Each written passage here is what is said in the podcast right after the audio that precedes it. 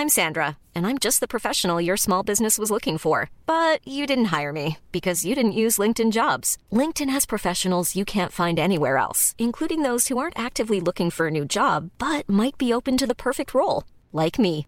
In a given month, over 70% of LinkedIn users don't visit other leading job sites. So if you're not looking on LinkedIn, you'll miss out on great candidates like Sandra. Start hiring professionals like a professional. Post your free job on linkedin.com/people today. Ryan Reynolds here from Mint Mobile. With the price of just about everything going up during inflation, we thought we'd bring our prices down. So to help us, we brought in a reverse auctioneer, which is apparently a thing. Mint Mobile unlimited premium wireless. Ready to get 30, 30, bit to get 30, bit to get 20, 20, 20, bit to get 20, 20, bit to get 15, 15, 15, 15 just 15 bucks a month. So, Give it a try at mintmobile.com slash switch. $45 upfront for three months plus taxes and fees. Promo rate for new customers for limited time. Unlimited more than 40 gigabytes per month. Slows. Full terms at mintmobile.com. Burrow's furniture is built for the way you live. From ensuring easy assembly and disassembly to honoring highly requested new colors for their award-winning seating, they always have their customers in mind. Their modular seating is made out of durable materials to last and grow with you. And with Burrow, you always get fast, free shipping. Get up to 60% off during Burrow's Memorial Day sale at burrow.com slash ACAST. That's burrow.com slash ACAST. burrow.com slash ACAST. Muslimfrykt, kongelig konfirmasjon og hyllest til kristen skolegründer. Velkommen til Tore og Tarjei, en podkast fra dagen.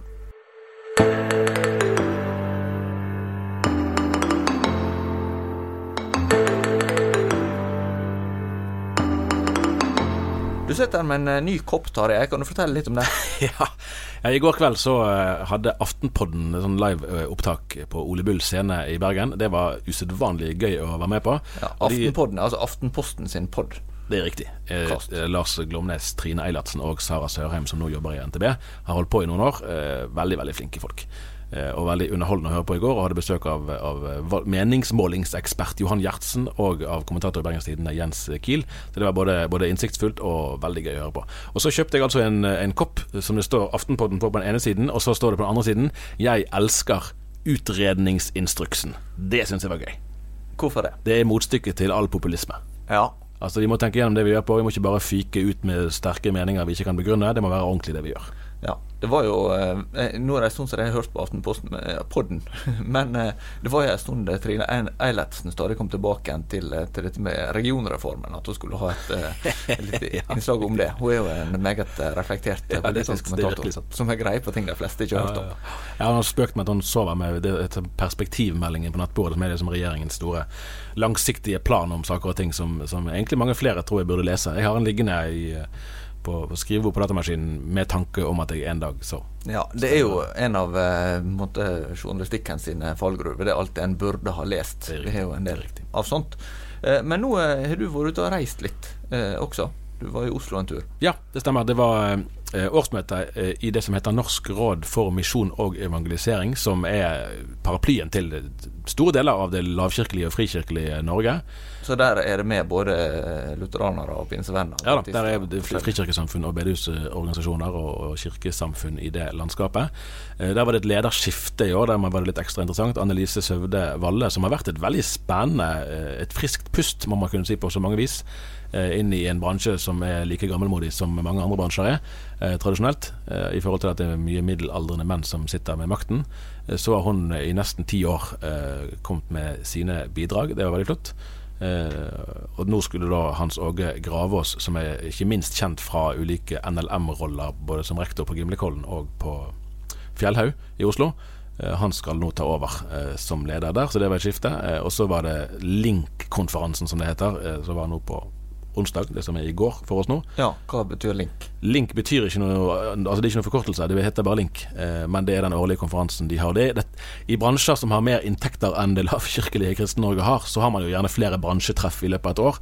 Eh, for disse her så er jo dette et av de få treffpunktene der man møter de som jobber i ulike organisasjoner og har lignende arbeidsoppgaver og kan lære av eh, hverandre. Veldig flotte, sterke fortellinger fra, fra forfulgte kristne f.eks. i Iran og i lignende land, som, som forteller om hvordan det er å samles? Og, og, og leve som kristne i, i eh, kulturer der de er tydelige minoriteter. Så det er veldig mye fint og, og, spennende og inspirerende å ta med seg. Og så er det jo alltid verdifullt å, å treffe eh, sentrale aktører i, i, det feltet man arbeider med. Men apropos eh, spørsmål rundt eh, religionsfrihet og religionsmøte, så skrev du en kommentar som står på trykk eh, i dag, torsdag, eh, om eh, det som handler om forholdet til islam i Norge. Hvorfor skrev du om det? Espen Ottosen, som er informasjonsleder i Misjonssambandet, han hadde et, et for så vidt relativt kort innlegg om dette. Eh, der han, eh, han utfordret uh, tilløp til fremmedfrykt, muslimfrykt egentlig, blant kristne i Norge i dag. Det tenker jeg er en ganske aktuell utfordring, ikke minst når vi leser i debattspalter og kommentarfelt og ser ja, ser rundt oss hvilket bilde som blir tegnet av, av, eh, ikke minst det som kalles konservative kristne, så, så eh, er det noen utfordringer der. Det er, det er vel en sånn menneskelig mekanisme tror jeg, som vi alle kan ha noe av. At vi kan være redd for det som vi ikke helt har oversikt over. Og hvis det kommer eh, krefter eller impulser rundt oss som, som vi frykter kan dra utviklingen an, i en annen retning enn vi ønsker, så, så kan vi lage oss fiendebilder av de som formidler disse impulsene. Og det er en en veldig viktig og reell test for, for kristenheten i Norge i 2019. Om vi tenker at eh, enhver muslim vi ser rundt oss er en potensiell terrorist eller en potensiell invasjonsstyrke eh, for ideologiske og åndelige retninger man ikke identifiserer seg med, eller om vi har utgangspunkt i hva Jesus sa om å elske sin neste, og til og med å elske sin fiende. Nå er det jo en del som vil, eh, vil være eh, måtte, skeptiske og spørrende til islams innflytelse ut fra hva en ser skjer i islams navn, og hva samfunn som blir skapt der eh, islam har stor innflytelse. Eh, tenk, altså Noen vil kanskje tenke nå står du i fare for å overkorrigere. At du blir for lite mm. kritisk til islam, for her er det store utfordringer som mange politikere osv. ikke egentlig vil snakke om, fordi det, det er eh, ja, det, det, er på en måte ikke, ikke aksept mm. og, og, problematisere hva, hva økende islamsk innflytelse kan bety i Norge og, og, andre land i Europa der det er etter hvert eh, betydelige minoriteter av muslimer. Ja, det tror jeg er riktig, det òg. Eh, og det, det, blir vel tydeligere og tydeligere at vi har vært for lite villige i Norge til å debattere eh, implikasjonene som kommer av eh, muslimsk innvandring til Norge, og hva det gjør med, med vårt samfunn. Og det har kommet i en periode i historien der vårt eget samfunn allerede er i, i, ganske store kulturelle endringer med en tydelig sekularisering. Og dermed holder vi på å finne ut hvem vi egentlig er sjøl fra før, og så kommer det i tillegg eh, andre impulser utenfra. Vi lever jo i det hele tatt i en mer internasjonal, i en mer globalisert verden. Sånn at vi, vi kommer i kontakt med mange flere eh, miljøer enn vi gjorde før. Uansett, uavhengig av om de geografisk er i Norge. Eh, og det må vi våge å, å snakke om. Eh, mens, men som kristen kirke så er jo likevel ikke den politiske debatten vår viktigste arena, selv om den er viktig nok. Uh, altså Kirken er kalt til å drive misjon under alle slags forhold, òg om man er i, i, land der det er uh, ulovlig å være, å være, kristne. Og vi som troende kan ikke tillate oss at uh, kampen mot islamisering, i den grad det er aktuelt, at det blir vår viktigste sak, da har vi blitt noe annet enn det Den kristne kirke skulle være. Jeg har jo vært en del i London for, for dagen eh, over en del år, og bl.a. i Øst-London, eh, området som Whitechapel og sånn, der det er veldig tydelig at det bor stort sett nye landsmenn, for å si det sånn, mm. i, i Storbritannia, og at du får et veldig sånn sterkt Og der er jo særlig eh, hva skal jeg si, at, det, at det, islamsk nærvær blir veldig tydelig. da, mm. og, og til dels ganske konservative moskeer som, som, samler masse folk og, og har stor innflytelse i, i et nærmiljø. Eh, hvordan tenker du å balansere det med måtte, sunn islamkritikk og debatt, og det som du mener blir usunt og, og måte, ikke passer seg for kristne? Jeg tror det er naivt å forestille seg at det er lett å finne den perfekte balansen. For her må man ha flere tanker i hodet samtidig. Det må gå an å ha for så vidt å ha en debatt om håndhilsing. Det er ikke helt opplagt om hvor grensene bør gå eh, for hva som er kulturelt greit og ikke. Eh, det må gå an å ha debatter om holdninger til, til likestilling, sant? Til, til, kvinners frihet, og til Guds frykt, og til fromhet, og til sammenhengen mellom religion og politikk, og, og hvordan, hvor går grensene for religiøse premisser i politikken osv. De samtalene er vi helt nødt til å kunne ha, men samtidig må vi som kristne være frimodige kunne hevde at, at ut fra en kristen trosbekjennelse så er ikke Muhammed den han hevdet eh, å være. Eh, altså, vi tror på frelse Jesus Kristus og han eh, alene. Det står ved lag, og det må vi fremholde om det er populært eller ei. Og på kloke og kløktige måter etter beste evne. Men alt dette må skje samtidig. Det er fra et kristent ståsted umulig, og det er kanskje det viktigste budskapet til Espen Ottosen nå der, å kun bli i praksis drevet av frykt. Og spørsmål. vi, vi kan alltid si det her at vi, vi, det er ikke muslimene vi er ute etter, det er religionen deres. Og i prinsippet er jo det en, en, et fornuftig skille, men testen blir jo likevel om de som er muslimer i Norge, hva er det de opplever? Hvis de kun opplever eh, negative holdninger, så hjelper ikke det de så veldig at vi sier at vi vil være glad i de, vi liker bare ikke religionen deres. Eh, det er jo de som, eh, som egentlig er den beste testen på om, om nestekjærligheten faktisk kommer til uttrykk.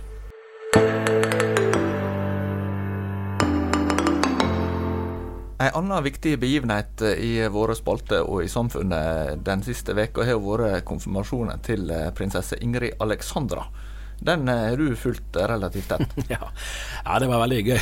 veldig gøy. Det var et sånn flott, flott øyeblikk der hun, det virker som hun tror at biskopen skal stille henne et sånn skikkelig inkvisitorisk teologisk spørsmål. Du nesten du ser frykten brer seg i øynene, og så blir hun beroliget. Synlig beroliget når, når biskopen sier 'slapp av'. Det blir, det blir ikke noe vanskelige teologiske spørsmål i dag. Konfirmasjonen har jo gått gjennom en voldsom utvikling fra, fra de omfattende overhøringene fra lang tid tilbake til, til det som i dag er en, en eh, gudstjeneste uten spesielle store teologiske kvalifikasjoner eller kvalifikasjonskrav fra konfirmantene. Hva oppfatter du kommer til uttrykk i eh, konfirmasjonen? Altså, hva, hva er det som har gjort inntrykk på deg når du eh, har sett det som eh, foregikk? Det spørs litt hvilke øye man ser med. For det er klart at eh, altså, dette er jo, det har vi skrevet om, eh, kronprinsessen som hun blir en gang, eh, har ikke full religionsfrihet. Eh, per i dag. Og det er jo en spesiell situasjon. Den har sine historiske grunner, og, og visstnok så har jo kongen forankret dette i sin familie før han eh, i forkant av grunnlovsendringene i 2012 eh, anbefalte å, beholde eh, denne ordningen. Så det, sånn at konfirmasjonen sier noe om kongehusets kristne tilknytning. Men så er jo samtidig det der noe vi Jeg tror for at kristens kristen står til vi skal være forsiktige med å, å gjøre det der til noe mer enn det er. Altså det er flott at uh, og, og, kong Harald sjøl i sin tale til sitt barnebarn uh, fortalte jo om sin egen trosforankring, og vi må jo tro at han er oppriktig i det han sier der. Vi kan ikke vite verken om, om vår neste konge eller om hans datter, den etterfølgende dronningen, uh, hvordan de vil, vil orientere seg. Sånn i form av i hvert fall av personlige vitnesbyrd offentlig det er ikke det som, som, eh, som, er det mest sentrale sett med kristne øyne. Så vi skal ikke, Jeg er redd for den sånn nasjonalromantiske forestillingen om at så lenge kongehuset har en, en, formell kristen forankring, så er Norge et kristent land, og da er det fint og bra. Det er jo naturligvis fint og bra at vi har en kristen historie, og at den fortsatt, eh, fortsatt lever. Men, men, den levende troen eh, blant vanlige mennesker er langt viktigere for norsk kristenhet enn om kongefamilien blir konfirmert og går gjennom andre kristne ritualer.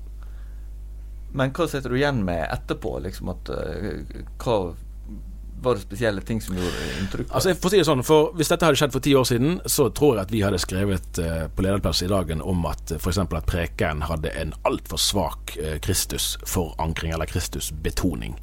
Når jeg så på talen nå, og gudstjenesten i det hele tatt. Nå så er det vel mer sånn at jeg egentlig gleder meg over å se den kristne forankringen som faktisk finnes der. Og det sier vel noe om endrede forventninger, og for så vidt òg endrede forventninger over ganske kort tid. For det er ikke så veldig lenge siden eh, jeg tror, tror eh, preken hadde vært veldig forskjellig, og, og reaksjonene på den hadde vært veldig forskjellig. Men har, vi har blitt eh, et mer sekulært og sekularisert samfunn. Og f.eks. det faktum at, at tronarvingen eh, formodentlig etter eget ønske siterer Frans av Assisis bønn under, under gudstjenesten, kan du tenke at sier noe om at hun har fått med seg en bagasje som, som man kan glede seg over.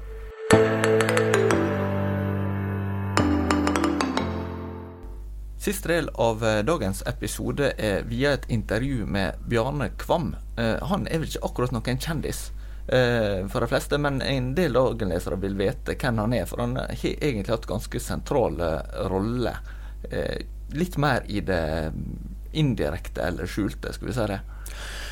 Ja, det kan du godt si. Og dette, dette mener jeg er en kristenleder av et sjeldent format og blant de som lever eh, i dag. Uh, Lavkirkeligheten og frikirkeligheten har jo gjerne sett på seg sjøl som vekkelsesbevegelser. og Da er det jo gjerne sånn at en vekkelse i en bygd eller i en by har en varighet sant? på noen uker, noen måneder, kanskje noen år, og så uh, dabber det av. Den mer langvarige testen blir jo gjerne om man klarer å etablere strukturer som kan stå seg over tid. Eh, og Da er jo ikke minst kristne institusjoner veldig viktige eh, i så måte. og da er jo skoler eh, en svært sentral dannelsesarena. Eh, Bjarne Kvam min, han er kanskje den viktigste i NLA-høgskolen sin eh, historie. Det er i hvert fall ikke mye eh, feil å, å, si det. Eh, og han var særlig sentral i å etablere lærerutdanningen eh, her i Bergen, som er kanskje den største sånn konkrete suksesshistorien. I hvert fall er det der de har flest studenter. så han var ute og fortalte han bare fortalte om, om utvikling, hvordan dette har blitt til.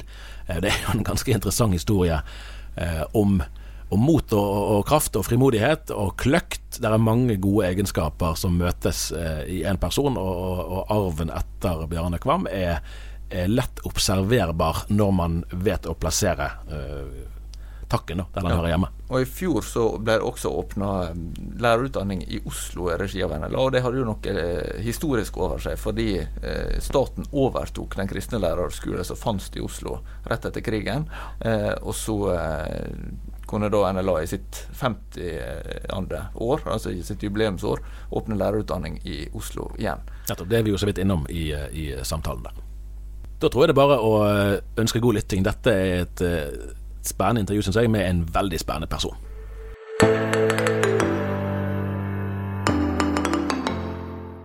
I dag har vi med oss Bjarne Kvam, som nettopp er blitt eh, takka av som rektor ved NLA høgskolen. Eller det vil si, det er ikke helt rett, for du har ikke vært rektor nå helt i det siste, men du er på en måte blitt takka av etter en helt uvanlig lang periode ved NLA høgskolen, og de fleste av de åra som rektor. Kan du fortelle litt om eh, hva som motiverte deg for å begynne å jobbe ved NLA? Ja, jeg eh, må jo si at det var noe som slo inn faktisk før NLA var etablert. Eh, våren 68 var jeg eh, ferdig på gymnaset og lurte på hva jeg skulle finne på, og fikk tilsendt papirer fra NLA og planer og greier som de skulle starte opp til høsten 68. Eh, da var det òg med en brosjyre om at de ville starte pedagogikk på et eller annet tidspunkt. Og det slo inn hos meg. Så jeg eh, studerte, tok lærerutdanning og studerte pedagogikk, og, og hadde det som, som i bakhodet at uh, dette ønsker jeg å bruke på NLA. For uh, det, sånn var det. Og nå tok jeg jo kristendom der og var kjent med folka. og og institusjonen uh, ganske tidlig, i 70-72. Så mm, slik begynte det. Det er jo et interessant trekk ved Norge og ved det kristne Norge, dette her at det er ganske mange som har laget altså skoler på ulike nivå. Eh, det er mange kristne institusjoner. Eh, hvordan ser du på betydningen av det for samfunnet og for kristenheten i Norge? Og, og hvordan ser du på utsiktene for videreutviklingen av disse nå, når man snakker om et sekularisert samfunn? Ja, altså, eh, Kristne skoler i Norge har jo en, en, lang historie. Og på mange måter så har det vært pionervirksomhet, særlig på, på videregående nivå og oppover mot det som i dag er høgskoler, men som den gangen var sykepleierhøgskoler og you name it. Så det er nå den tingen. Men når vi da fikk framveksten også av eh, kristne grunnskoler og fikk eh, det til å ta av, så er jo det på bakgrunn av utviklingen i samfunnet for øvrig. Altså det kristne innslaget både i kultur og i skole har eh, blitt mindre og gått tilbake. Og behovet da for å ha institusjoner der dette blir holdt i live og kunne videreføres til barn og unge, det har vært helt avgjørende. Og I den sammenhengen har jo NLA hatt en veldig viktig rolle i utdanning av eh, lærere. Og eh, til å, holde oppe en, en både forskning og, og, faglig utvikling av uh, hvilken tenkning som skal legges til grunn når en først skal gå inn i det offentlige rom med kristen tenkning. Nå driver jo NLA egentlig stadig mer. altså Hvis en ser på studentmasse, så nå er over 2000 studenter, og kanskje over 2500 også nå, eh, så er jo eh, veldig mange av de studerer for å bli lærere. Hvordan vil det å utdanne seg til lærer på en la skille seg fra det å utdanne seg til lærer på en offentlig høgskole? Ja, Der er jo både likhetspunkt og der er forskjeller. Eh, likhetspunktene er jo at vi utdanner de etter de samme rammeplanene som alle institusjoner som har lærerutdanning. Slik at eh, de ulike fagene, tyngden i fagene, eh, stort sett lærebøkene, er fellesgods.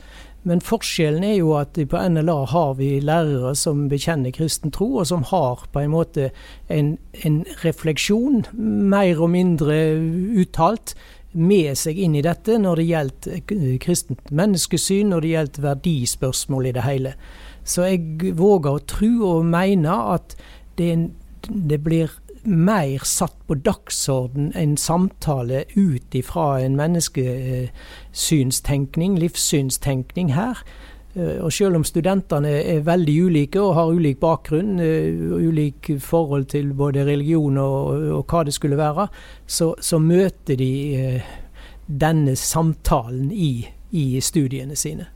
Et av de eh, samtaleemnene som eh, skaper det sterkeste engasjementet rundt lunsjbordet i dagen, det er når vi snakker om eh, hvorvidt vi bør sende barna våre på kristne skoler, eller om det er best å sende dem til offentlige skoler der de kan være til stede i samfunnet, og man er redd for en isolasjon.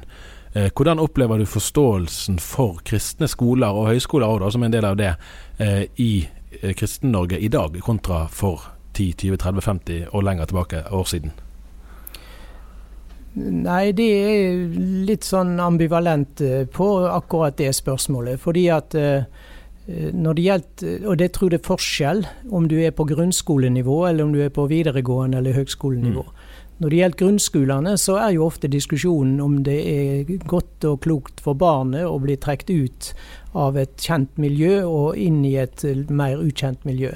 Eh, og det, det avgjørende der vil jo være nettopp Eh, hva som er tjenlig og godt for barnet, og at foreldrene eh, har i tanker hva får de egentlig med seg mm. av den ballasten som skolen skal gi når det gjelder livet framover. Og, og, det må jo sies at uh, slik utviklingen nå har vært, så er det jo i de kristne friskolene at det blir holdt i hevd det, den kristne livssynstenkningen. Den, den er ikke sterk i den offentlige skolen. Går du videre til videregående skole og slik, så er det jo litt sånn uh, ymse. Ofte kan det være ut ifra faglige prioriteringer som ligger bak, og, og høgskolene likeså. Men gettotenkning og sånt, mm. det er jo passé uansett, fordi både grunnskoler, videregående og høgskoler er jo åpne institusjoner der det er et mangfold av, av elever og studenter. Jeg skulle til å si selv om det kan være et større innslag av kristne studenter der, så, så er de jo ikke isolerte på noen måte. Akkurat. Hva tenker du er de største utfordringene for de kristne skolene og institusjonene framover? Nei, for skolene så er det jo den utfordringen om de klarer å våge og, og sånt, å, å holde denne kristne tenkningen fram og opp og synlig. Fordi etter hvert som sekulariseringen brer om seg, så blir jo dette mer og mer et, et fremmed gods for barn og unge og foreldre. Som kanskje ikke skjønner hva er vitsen med dette, og, og vil vi sende de inn i slike institusjoner. Så, så fristelsen til å, og, og, og, liksom ikke tone flagg tydelig, den, den, vil bli og kanskje bli større. For en kan risikere å miste elever hvis den blir for profilert. Eh, men den store spørsmålet er jo hvor lenge vil vi beholde den åpne og, og de tilskuddsordningene som vi får fra det offentlige til disse skolene. Altså, det er jo et eventyr at, eh, at vi fra staten får 200 millioner for å drive Norsk Lærerakademi, eller NLA Høgskolen som det nå heter. Det er helt fantastisk. Og, og, kan vi regne med at det vil være slik i forhold til grunnskoler, videregående skoler og alt sånt framover? Det blir spennende å se. Du slår meg ikke som en utpreget bekymret type, men akkurat det spørsmålet der har du sikkert tenkt på mer enn én en gang? Ja, det er så uh, Her er Norge spesielt. Og uh, jeg skulle til å si det er så mye som ellers skjer i Norge av det vi uh, kanskje ikke liker, sett mm. fra et kristent synspunkt, at, at vi må iallfall være forberedt på at det kan bli trangere tider på dette området. Men vi får bruke den tiden vi har når vi har den. Så enkelt er det. Hvordan tenker du at, at kristne institusjoner ruster seg best for framtida? Du har jo vært med på å bygge opp mye her på, på NLA og, og ekspandere ganske, ganske, kraftig. Og ikke minst med, med, da dere etablerte lærerutdanninga på 90-tallet. Ja, den, eh, Å ruste seg for framtida, det, det, er mange faktorer i dette. Men det som er udiskutabelt, det er jo at en må holde eh, god kvalitet på den utdanningen og undervisningen en gir. Altså, En kan ikke slå av på de kravene og bli sekundær i, i, den sammenhengen. Og så er det jo det som alle elevene og foreldrene setter mest pris på. Det er jo at vi møter den enkelte elev mm. uh, på, på, en god måte. At de opplever seg sett og, og tatt vare på. Og det, det, er ikke bare små barn, det er studenter òg. Så hvis vi spør våre studenter her hva er det som er det spesielle ved NLA-høgskolen, så er det rett og slett det miljøet de kommer inn i. Eh, der de føler seg verdsatt og tatt vare på og mottatt. Ja, for Én ting er jo den direkte kan du si, oppgaven man har overfor eh, studenter og elever som regner seg sjøl som, som bekjennende eh, kristne. Eh, vi sitter jo nå på avdelingen på Breistein i Åsane, sant, der lærerutdanningen eh, finner sted. Om noen år skal jo man flytte til Minde, nærmere Bergen sentrum og nærmere den offentlige høyskolen på Vestlandet. Eh, vil det være en, en, risiko eller en fare, om du vil, at man òg fra NLA sin side vil finne behov for å tone ned den kristne profil for å ikke skyve fra seg eh, antall studenter som gjør at man kan holde oppe volumet, fordi det kanskje ikke er nok da, av de som har en tydelig kristen profil til å holde den totale altså produksjonen av utdanning intakt? Ja, altså den eh, fristelsen og den faren er der, men jeg tror ikke den øker fordi om vi flytter til Minde. Mm. Fordi at studentene i dag velger institusjoner øh, og, og øh, stort sett hva NLA står for, og hva Høgskolen på Vestlandet står for, og, og sånt. Og, og, og det, er ikke, det, er ikke, geografien som blir utslagsgivende på det. Men det er klart en høgskole står i samme fare som andre skoler på at at det kan være at vi blir oppfatta som eh, et sidespor eh, i forhold til dagens eh, normale tenkning. kan du fortelle litt om det som har vært de største måte, opplevelsene som du har hatt i løpet av den lange perioden? Du har vært med på veldig mye forskjellig med, med et yrkesliv på flere tiår her på, på NLA. Men, men hva har liksom vært de, de store Eh, merkesteinene, for å si det sånn? Nei, de, de, det største som jeg har vært med på, er jo selve etableringen av lærerutdanningen her på Breistein. For uh, det å gå inn i dette arbeidet og, og, og fra scratch være med og, og, tegne det ut, det er jo sånn så en ting er nå en gang i livet kan du sjøl få oppleve å være med på det, men mm. det, det, er jo en gang i hundreåret det kan skje en slik, en slik, etablering også. Og at en da var der, der og da og, og, fikk være med på det, det er den største opplevelsen. Og det, det, det var så mange uh, skjær i sjøen som kunne ført til at vi ikke kom i land at det er virkelig trosstyrkende nå å se tilbake og se at eh, det ene var forutsetningen for det andre, og det tredje og det fjerde. Og, og det var en vei, selv om vi ikke så den mens vi gikk den.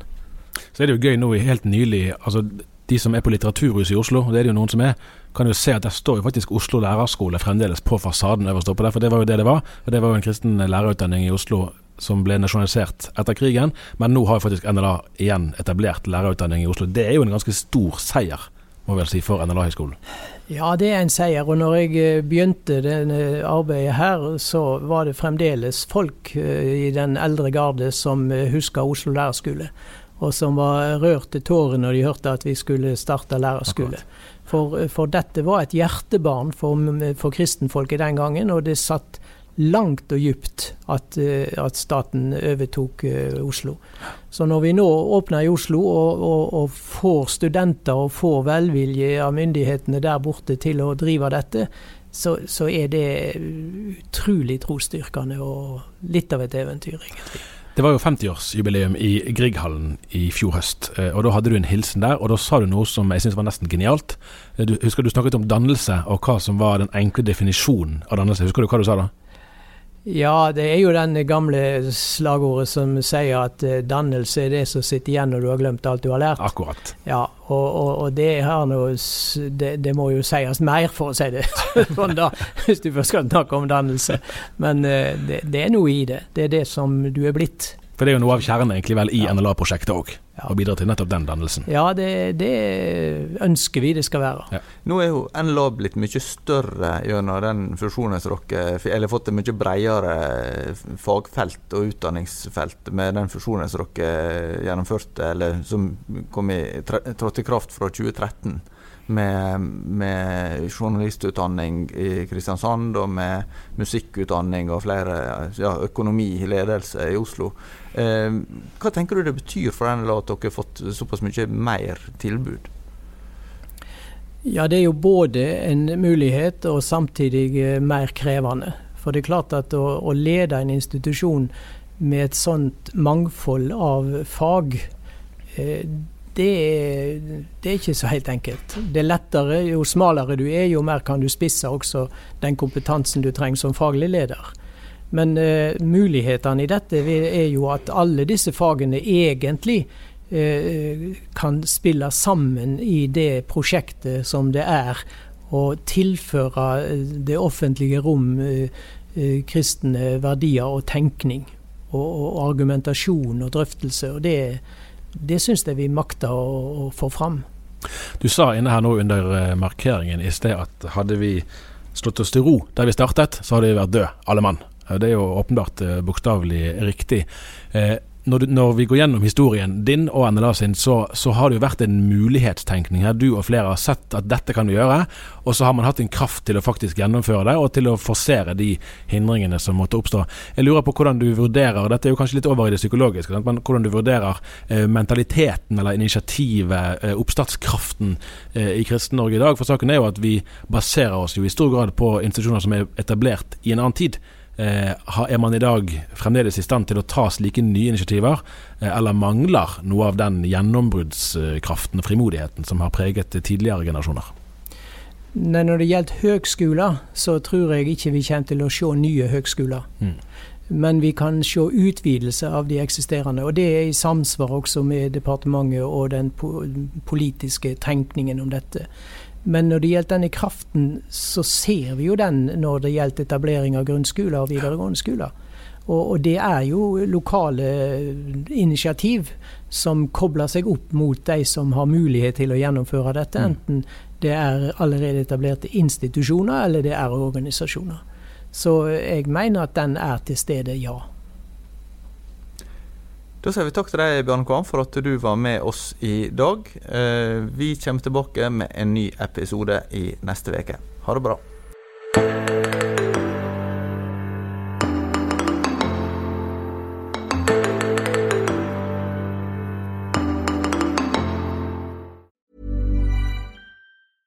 Selling a little? Shopify helps you do your thing however you cha-ching. Shopify is the global commerce platform that helps you sell at every stage of your business. From the launch your online shop stage to the first real life store stage, all the way to the did we just hit a million orders stage.